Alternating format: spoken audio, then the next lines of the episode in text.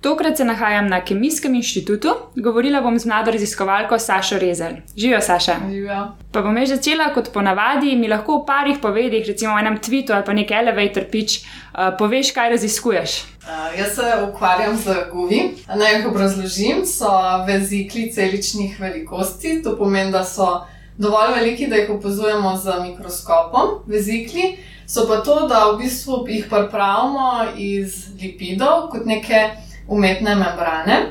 Kaj lahko vse počnemo s temi guvi? Mi uh, preučujemo proteine, jaz v glavni vrsti se ukvarjam z disteriolizinom O, um, ga dajem zraven teh guvov in preučujem, kako tvori pore v teh guvih, membranah. Uh, hkrati pa potem nadalje v, poskušam uporabiti listeriolizin O znotraj guvov, se pravi z brezcelično produkcijo, to pomeni nek način ustvarjanja umetne celice.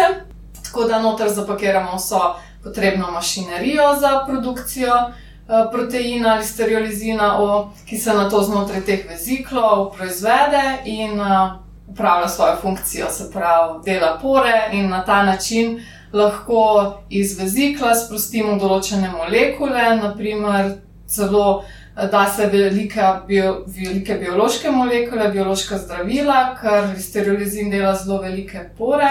Tako da je nekakšna ideja tega, tudi, da bi bil lahko takšen sistem za dostavo večjih zdravil. Torej, lipidi so maščobne molekule. Ja, in to so v bistvu taki maščobni mehurčki, vem, da si jih ti poimenovala na neki predstavitvi. Uh -huh.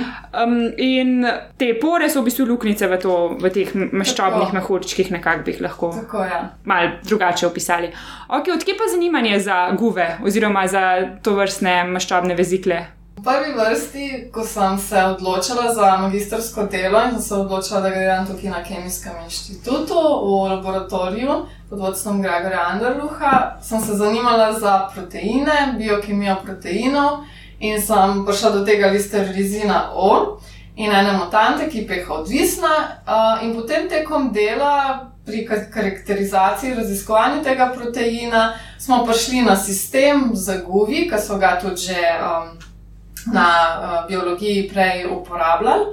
In sem se tam naučila s tem delati, tako da konc magistrske naloge sem se že spoznala uh, s tem sistemom in je potem bila zelo lahka odločitev naprej za na doktoratu, da še naprej uporabljam ta sistem in ga tudi upeljamo pri nas v laboratoriju. Tako da, um, ne vem, meni je super, predvsem zaradi tega, ker je tako zelo um, direkten rezultat. Se pravi, vidimo pod mikroskopom vezikal z neko fluorescentno oznako, lahko proteine fluorescentno označimo in je tako zelo no, nedvoumno, kaj je, kje, kje je protein, kje je membrana, kaj se dogaja. In zelo lepe slike so, seveda. In ali sistem deluje, verjetno tudi. Ja, tako da res vedno vidiš, kaj se dogaja. Ni samo nek graf, neka črta in pa se sprašuješ, ali je to kako odzadje, ali je to resen dogodek. Da, ja. Dejansko lahko vidiš nekaj otipljivega na nek način pri tem. Torej, si zanimanja te, za, za ta protein, listeriol. Zin, Lizin, o, si prišla na zanimanje do tega, kako bi ga lahko uporabljali v nekih, v nekih, v nekih maščobnih uh, veziklih. In kaj pa je sedaj, če si na, magisters, na magistrski ravni res ta uh, proteinu se posvetila, kaj pa je naloga doktorata? Tudi naprej je bila še naloga, da še bolj ta divji tip tega proteina preučim, točno na kakšen način dela. Namreč listeriolizin. O, um, proizvaja bakterija Listeria monocitogenes. Ta je pač uh, prisotna v okuženi, okuženem mleku, mesu. In zdaj, če smo mi zdravi, to načeloma naš imunski sistem uh, spuca iz telesa, če pa ne, kakšni bolj uh, s slabim imunskim sistemom, nosečnice, pa lahko ta bakterija kar veliko težav povzroča, no, lahko celo v sepso padeš, ker namreč naše celice to bakterijo um, vzamejo, noter, fagocitirajo in v, potem je ta bakterija v fagolizosomu, pač v enem takem spet vezikalčku, znotraj naših celic. In ta bakterija je zelo zvita, ker v fagolizosomu bi jo sicer naša celica razgradila in izločila, tako pa bakterija proizvaja ta protein, ki ga preučujemo, listeriolizin O, ki omogoča, da uh, bakteriji, kar naredi pore v fagolizosomu, da bakterija uide iz tega fagolizosoma v naše celice in potem tako iz celice v celico lepo naprej iz črevesja po telesu, celo do možganov lahko pride in se tukaj lepo razmnožuje in dela težave. Um, In ravno to je stvar, glav, en izmed del mojega doktorata, da sem proučevala, na kakšen način dela te pore, koliko velike, kako je možno, da nek tak mehen protein naredi tako veliko luknjo, poro v fagolizosomu, da omogoči bakteriji, ki je en mikrometer velika protein, pa recimo okrog 10 nanometrov, da jo omogoči, da pobegne. No? To sem, to guvi so zelo tak uh, dober sistem, ker so dovolj veliki, da jih vidimo pod mikroskopom, da se ustvari približno enake membrane, kot jih želimo proučevati, se pravi, sami določamo to lipidno sestavo, maščobno sestavo teh veziklov, tako da lahko zelo natančno proučujemo. In tukaj sem pač ugotovila, da dela zelo velike lezije, velike pore, zelo poškoduje te vezikle, kar je logično sledi, da to dela verjetno tudi v fagolizosomu in tako, kar fagolizosom tudi poškoduje, da je tukaj velika luknja, da potem bakterija lahko uide naprej v notranjost celice in v sosednje celice. In zdaj, ker vemo to, da so luknje tako velike, je bila pa pol naslednja stopnja mojega doktorata, da pa probamo ta protein nekako uporabiti. Kot sem že v začetku povedala, spet za guvi, ampak malo drugačen sistem. Poskušamo protein z neko brezcelično sintezo, brez celice sintetizirati, proizvesti znotraj teh guvov, teh veziklov in potem pač nekam dostaviti, da se tam ta notranjost sprosti. Ker, proti, ker sicer so ti vezikli zelo taki. Pač nedotakljivi, nič se jim ne dogaja, rabijo nek protein, nek, neko molekulo, da naredi luknje v, v njih, da se lahko vsebina sprosti. In potem nadalje sledi še, da imamo pri nas v laboratoriju kar neki mutant proti teh proteinov, to so pač proteini, ki imajo nekakšne spremembe v aminokislinskem zaporedju, v zgradbi.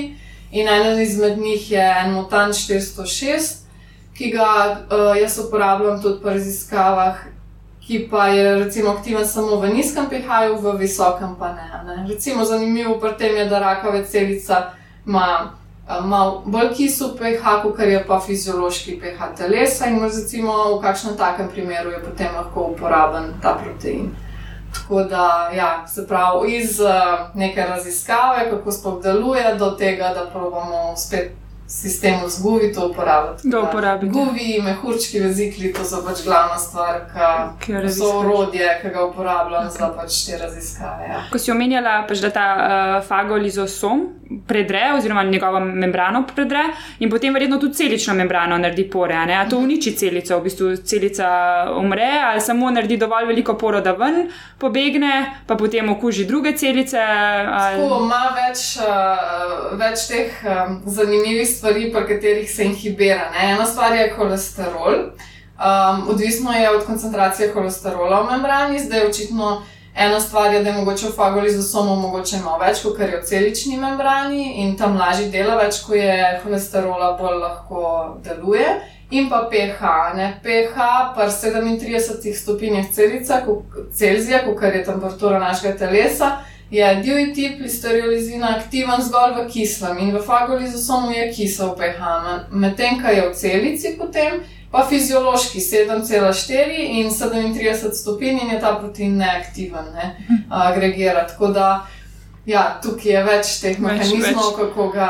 Ok, pa da je vam zdaj to mogoče poenostaviti, če posebej glede na to, da si se ti v svojem doktoratu ukvarjala z malce bolj preprostim sistemom, ki si ga pač ti se trudila umetno sestaviti s temi um, velikimi mehurčki oziroma guvi. In Kako se jih pa sploh pripravi, Kakš, kakšne so te membrane? Je to samo ena vrsta lipidov na okolju, oziroma kaj, kaj, kako ti, si ti to res tako pač metodološko? Uh mhm. -huh. Kaj dobiš lipid, dobiš vem, fiziološko lastopino, malo pomešaš in vidiš, če je kaj uspelo, ali kako to poteka? Ja, uh, lipide v prahu se da naročiti, se kup. Um, s tem, da ene smo tudi pač v sodelovanju z skupino iz biotehnične fakultete, z Natašo Poklar Urlih, um, izolirali tam iz arhej. A, to so eni zelo specifični lepidi, ker so arheje zelo specifične, živijo v takih ekstremnih okoljih, zelo slano, zelo vroče in so ti lepidi zelo prilagojeni, se pravi, so dosti bolj stabilni. Tako da ene smo tako, pa njih izolirali, druge smo naročili, potem se to raztopi v nekih organskih topilih, v katerih so ti topni da se naredi mešanica. Naprimer, jaz sem največ uporabljala ali te arhejske, pa holesterol zraven, ali samo arhejske, ali potem so eni bolj fosfolipidi, no, ki so bolj podobni našim, oziroma jih imamo mi v naših celicah, in pa v kombinaciji z holesterolom, tu se naredi mešanice. Uh, se posuši, spet v prah ta mešanica, in potem iz tega Iz tega sledi tvorba veziklov. Doda se raztopina, fiziološka nek pufer uh, in se to elektroformira s pomočjo elektrod lahko v raztopini, se pravi pod električnim tokom v neki napravi. Ali pa na drug način lahko se nadalje raztaplja v olju in potem meša z vodo, da nastane neka takšna emulzija, in potem spet še z drugim slojem uh, vodne raztopine dobimo ven vezikle. To pa je v primeru, ko želimo ustvarjati te mini umetne celice. In potem so te vezikle dovolj veliki, velikost teh veziklov je taka, da jih vidimo. Ja, te vezikle so veliki od 3 do 200 mikrometrov. Ne vem, mm -hmm. jaz nekako rekordni guf, ki smo ga uspeli dobiti, a, da sem ga lahko opazila pod mikroskopom, je bil okrog 190 mikrometrov. Kar je kar je. In so stabilni ti, se, se dolgo časa, potem, ko jih imaš v nekem vzorcu, oziroma ki jih pač pridobiš, uh mhm. -huh. je to neka stabilna struktura, ali so zelo nestabilni, oziroma pa, si tudi kaj to preučvala? Ja, zelo je odvisno od uh, same lipidne sestave. Uh, zdaj, ravno ti arhejski so veliko bolj stabilni so stabilni, ko jih pripravimo in ko imajo noter še vso to mašinerijo, celično za produkcijo proteinov. Uh, tudi, recimo, če sem jih pripravila v petek, pa sem šla v ponedeljek na mikroskop, so bili še vedno isti, kot kar v petek, tako da so res več dni stabilni, medtem ko drugi. Um, te, ki so z elektroformacijo pripravljeni, ali pa tisti, ki imajo samo POPC, se že slabše pripravljajo, pa tudi uh, zelo so taki krhki, se pravi, v smislu, da ko pipetiramo, ko mešamo jih skupaj s proteini, ko damo na neko napravo, velikih lahko popoka, se deformira. Tako da ja, je treba z njimi tako zelo v rokavicah nežno delati. In koliko časa pa vzame, recimo, ena taka um, pač priprava veziklov? Uh, odvisno, največkrat nekaj ur. Ah, okay, nekaj ur, pa jih je odvisno od metode, sicer nekaj 100, 200, 1000. Okay. Um, ne vem, pač to z elektroformacijo, no to jih je na tisoče v resnici. Potem si pa zdaj že parkrat omenila, da se pa že da neko mašinerijo noter, oziroma neke, neke druge mhm. celične strukture, oziroma stvari, ki jih najdemo v cezih ali proteini, karkoli. Kako pa to potem noter dodate? Pač verjetno nimate injekcije in noter vsakega posebej jih zmešate kar skupaj in potem. Tako, najprej je neka vodna raztopina, v kateri je ta mašinerija, in potem se to doda k lipidom, ki so v olju raztopljeni. To se potem premeša, tako da se tvori emulzija, in tu je že prvi tak vodna, vodni mehurček v olju. Ampak mi tega ne želimo v olju, želimo spet v vodno okolje spraviti, tako da damo na drugo vodno raztopino zunanjo, ki nima te mašinerije znotraj zapakiranja, sprav, pač, in potem centrifugiramo, eden izmed pač načinov, ali pa pustiš čez noč, pa se sami dol posedajo, in v bistvu potem te kapljice vodne iz olja. Uh, padajo dol v to vodno raztopino, ki je pod njimi, in tako dobimo te gume z mašinerijo. In kaj si potem, jaz sem prebrala pač nek tvoj prispevek, mislim, da je tvoj celo prvi avtorski članek, če sem prav videla na Twitterju, ja, ja čestitam. No? In sem prebrala tam, da, da vam je uspelo v bistvu tudi izražati te neke gene v nekem neceličnem okolju, se pravi v tem guvu, v tem čisto umetnem okolju, je vam uspelo celo verjetno pač prije do tega, da listeriolizine, listeriolizin O uh, proizvaja ta gov. Tako, ja, to smo uspeli prav videti, ker smo da se naredi tako. No, kako pa lahko to vidiš? Ja. Da daš pač protein je sestavljen iz enega gena in zdaj na nek ta vektor, iz katerega se prepisuje v protein, lahko zraven gena za protein dodaš še drug gen za fluorescenten protein in ustvariš na ta način fuzijski protein. In v bistvu je to eden protein, ki je sestavljen iz listerolizina in recimo zelenega fluorescentnega proteina. In to se isto skupaj vse proizvaja znotraj teh veziklov, gubov, in tako vidimo zeleno barvo, ki se znotraj veziklov proizvaja. In recimo membrana je rdeča, In potem vidimo, znotraj gubov je zeleno, membrana je rdeča, potem lahko kasneje vidimo, da se počasi protein, če se veže na takšno membrano, začne zelo po robovih eh, asociirati tam več zelene barve, kot v notranjosti veziklov. To se pač da vse, vse pod mikroskopom. Tu se vse vidi na sliki, pa se da tu še dodatno vrednotiti, koliko proteina je kje, ali na membrani, ali v notranjosti, s pomočjo programov. Da, ja. In je ta vaš uh, umetno ustvarjen protein v teh umetnih uh, maščobnih veziklih tudi tvoril pore, uh, že ali še ne? Zdaj, zaenkrat uh, to za, za to umetno celico govorimo. Ja, za umetno celico. Uh, ja, je že, se, lepo se vidi, da se asociira z membrano, nismo pa šli še tako naprej, da bi preverili točno, kakšen način tvorbe por dela v takšnih mhm. membranah. Tako da je mačkam bolj kompleksen sistem, pa malo več zapročiti. Ampak, ja. Ja, super. Fuj se mi zdi zanimivo, da v bistvu iz tega, da celice so pač človeške celice, eukarionske celice so pa zelo kompleksen sistem, ki, je, ki ima pa v nekih organelov, proteinov, vsega tega notri, pa da potem lahko s temi uh, velikimi maščobnimi vezikli v bistvu zelo pač pre, na preprost način en zelo majhen delček, zelo majhno sestavljanko tega celega sistema proučuješ. Ja sva pri zadnjem delu vprašanj. In prvo vprašanje je, ali si spomniš kakšne zabavne ali zanimive anekdote povezane s svojim mentorjem, ali pa morda kakšne nenavadne, smešne anekdote, ki se je zgodila tekom tvojega raziskovalnega dela v sklopu doktorata. Eno, en tak dogodek, ki mi je tako najbolj ostal v spominu, je spet, ne seveda, gubi. Uh, Ko začneš delati na doktoratu, pač itak se vse vrti okrog tega, kar delaš. To je pač življenjski cilj, da delaš doktorat in to, kar delaš, je itak najbolj pomembno v življenju. Tako da, um, takrat sem pa začela, kot sem že razlagala, pripravljati vezikle, guve. Nabavili smo tudi uh, novo mašino za delati te guve in sem jaz nekako bila odgovorna za to mašino. Smo tudi edina, smo delali, smo ga ta sistem vzpostavili. To pomeni, da sem vsak dan non-stop pripravljala guve, bila v stiku z mašino, guvi, mikroskop, slike. In pač sem šla domov in sem se vložila v poslo, in so se spet tiste slike meni v glavi vrtele, ne sem o tem sanjala. In res eno noč pač sem zelo živo sanjala, da so nam to mašino iz uh, inštituta ukradli, iz laboratorija, in sem bila čisto paniki, ne, ker sem se nekako čutila, da sem jaz za njo odgovorna in da bi jaz mogla to nekako grozno parklent tja v laboratorij, da na oni ne bi mogli odnesti in me tako v sanjah grabila panika in zdaj kako to povedati mentorju, vodi, ne, da pač tega nimamo, da delo ne more potekati.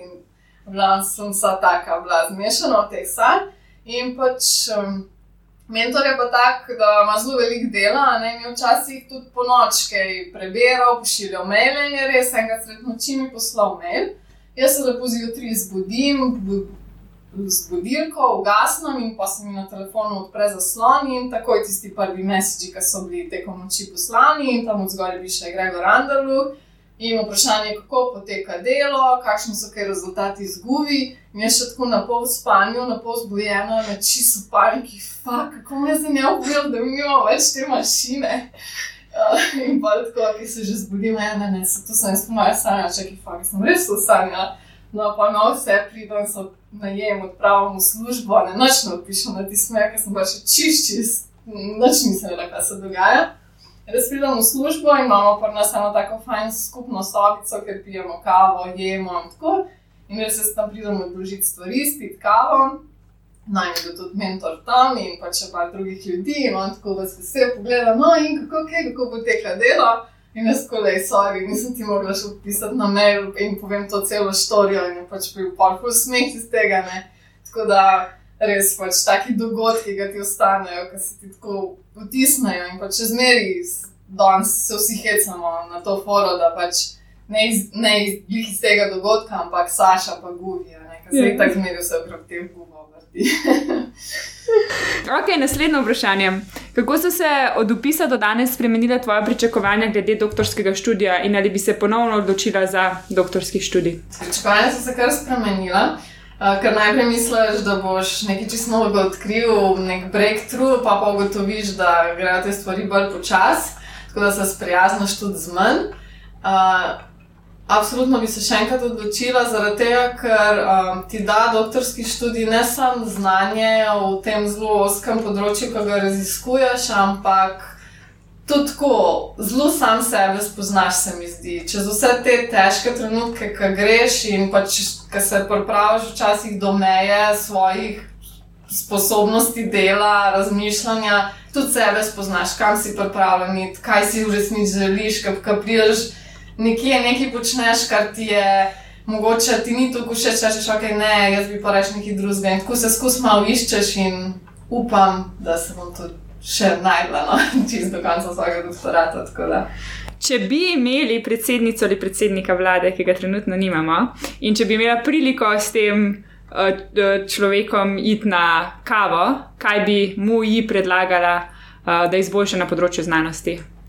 Jaz mislim, da je treba znanost upeljati že zelo zgodaj v šole, mislim, zavedanje o znanosti, ne samo tako izobraževanje, kot ga imamo danes, ko se mi zdi, da se kar tako veliko stvari treba nekako na pamet naučiti, ampak tudi, da je veliko stvari tudi uporabnih, da jih mogoče neko stvar, ki jo, ne vem, jaz spomnim biologije, sem grozno nisem marala biologije, ker pač nam učiteljice niso znale dobro razložiti. Pa smo se mogli tisto celico in organele na pamet učiti. Še v srednji šoli, ko sem prišla do biotehnologije, ko sem hodila na biotehniško fakulteto in je bila učiteljica res dobra, je nas je. Tako na primerih, tako zelo, ne vem, fermentacija, ki je, kako, zakaj. In sem rekel, wow, biotehnologija, to je pa res nekaj dobrega. In sem se začela zanimati, in jasno mi je bila DNK, jasno mi je bila celica, ampak zato, ker je bila učiteljica dobra. Tako da se mi zdi, da bi lahko pač taki velike glave, ne, že ta sam sistem mogoče malo spremenil, da, da se vsak predmet nekako bolj uporabno pokaže in se pa ljudje bolj začnejo zanimati za znanost in kje se to da uporabljati in pa naprej za raziskave. Isto na faksu, čeprav na faksu je seveda že malo boljše. Um, in pa tudi to, da se pač ja, spodbuja tudi denarno samo znanost, ne, da se v to več vlaga, ker Pa če so razumeli, če bi oni razumeli, kako v bistvu mi lahko res doprinesemo z nekimi novimi odkritji na dolgi rok, pa tudi to gospodarstvo, mislim, da bi se mogoče lahko več v to vlagalo. No? Mhm. Cool. Uh, kje se vidiš čez pet let in kje čez, deset, uh, čez 40 let? Uh, wow. mm, to moramo razmisliti. Meni je bilo to vprašanje najbolj uh, nehvaležno, ko je mene Ana sprašvala. Ja, ja se mi zdi, da pač, je vsem v takih doktoratih veliko težje odločitev, kaj boš pa naprej počel. Zaradi tega, ker imaš tukaj enih znanj in sposobnosti, mislim, imaš, misliš, da jih imaš, ali pa jih imaš, pa tukaj enih možnosti da ni tako, kot kar prideš iz neke poklicne srednje šole, ki pač imaš samo tisto in imaš verjetno nek bolj verjetno mm. tisto delo. Tukaj imaš tukaj enih možnosti, res, da je pol se v resnici težko odločiti. No. Verjetno ja. pač z tem, da delaš doktorat, v bistvu dobiš, kdaj kar zanemarimo, da na nek način dobiš zelo veliko takih veščin, razvijaš na tekom tega dela, ki jih lahko uporabiš marsikje, ne samo pač v znanosti, ne tudi ja. v industriji ali pa konec koncev tudi v nekem izobraževanju mm. oziroma čemkoli. Ja, res. Ja, res, tako da je zelo, zelo, zelo veliko vrati odprtih. No.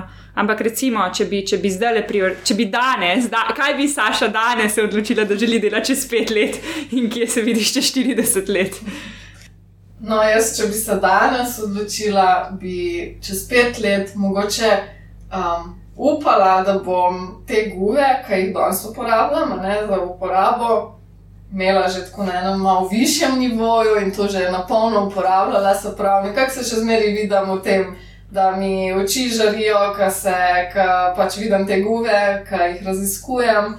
Um, tako da v tej smeri pač neki. neki inovativnega, uporabnega, znanstvenega. Uh, čez 40 let se bom pa še pustilo presenetiti. Ok, super. Uh, bi drugim doktorskim študentom in študentkam predlagala kakšno tehniko za upravljanje s časom ali pa morda računalniški program, ki ti olajša delo in ti prihrani čas, lahko tudi kakšno aplikacijo na telefonu, ki jo recimo uporabljaš, karkoli, kar ti pač tako v dnevnem življenju pride prav mogoče. No? Meni zelo prav pride, recimo za pripravo teh postrov, prezentacij in tako. Uh, zdaj sicer kar dosto uporabljam tudi CorelDRAW, ampak vmes, ko so se ti neki Windowsi posodabljali, je zelo začel štekati in sem ugotovila, da Inkscape, ki je brezplačen, prosto dostopen za kogarkoli, za take čist super lepe, dovolj preproste grafike, se da zelo lepo z njim narediti res priporočam, ker za zelo malo uložka časa, da se ga naučiš dela, z njim delati, dobiš zelo lepše slike, kot pa če to v nekem PowerPointu ali pa v Paintu ali pa ne vem, kje mm -hmm. pripravljaš. Recimo, um, tam je tako zelo. Pa obvezno aplikacija za podcaste poslušati, ker okay. recimo jaz se pač vozim, jaz sem iz Dolenske. In mi je najprej sam, ne vem, se spomnim začetku, pa sem radio poslušala, pa neke audio knjige in zdaj je pa tako najboljš, ker si lepo na telefonu, pač tam vse vne podcaste in vsak dan v tisti uri, ki zgubim, oziroma več, ki se vozim, se fulno učim, ne ni zgubljen čas. Tako da sediš na avtobusu, se voziš z avtom, več zelo mm. velik čas, tako nam je zbranja knjiga, kar koli lahko tako v bistvu pridobiš. No. Torej, si zdaj še žgliko omenila podcaste, kakšne priporočaš? Jaz jih tako veliko poslušam, različnih, tako kar random, ki mi predlaga program, da ne vem, pač itak te slovenske frekvence iz znanosti na cesti, odmete, odmeti na liste, te itak poslušam. Prač pod BBC-ja, no, BBC. razne. Ja. Okay. Priporočila si že kakšno knjigo, igro, film ali spletno stran? Film bom priporočila, evo. Zdaj sem gledala um, A Plastic Ocean mislim, da je čist pravi naslov. In je dokumentarc. In tako res ti da misel, kaj ljudje delamo. Pa glih zdaj je bilo v poročilih, no, da pač je v Piranskem zalivu full plastike. In odkje to prihaja, pač koliko smo malo zavedni. Vse je v bistvu v resnici tukaj v Sloveniji zelo fajn s tem dosti fajn, no? ampak mislim, da bi lahko še vse sledili, recimo Nemčiji ali pa tako. V glavnem se da še veliko bolj s tem. Kaj pa je recimo v Nemčiji drugače kot v Sloveniji, glede na to, da vem, da si v Nemčiji nekaj časa živela? Uh, recimo tam vsaka flaša ima dodatek 25 centov. Ki ga dobiš nazaj, če vrneš flašo. In zdaj si predstavljaj, da imaš štiri flaše, en evro, ne plastične, in seveda vsi dajo nazaj. To pa potlehva že pa brezdomc pobere, pa da, pa ima spet denar. Mm. Tako da je tako zelo fajn sistem in se res lepo vse pravilno reciklira.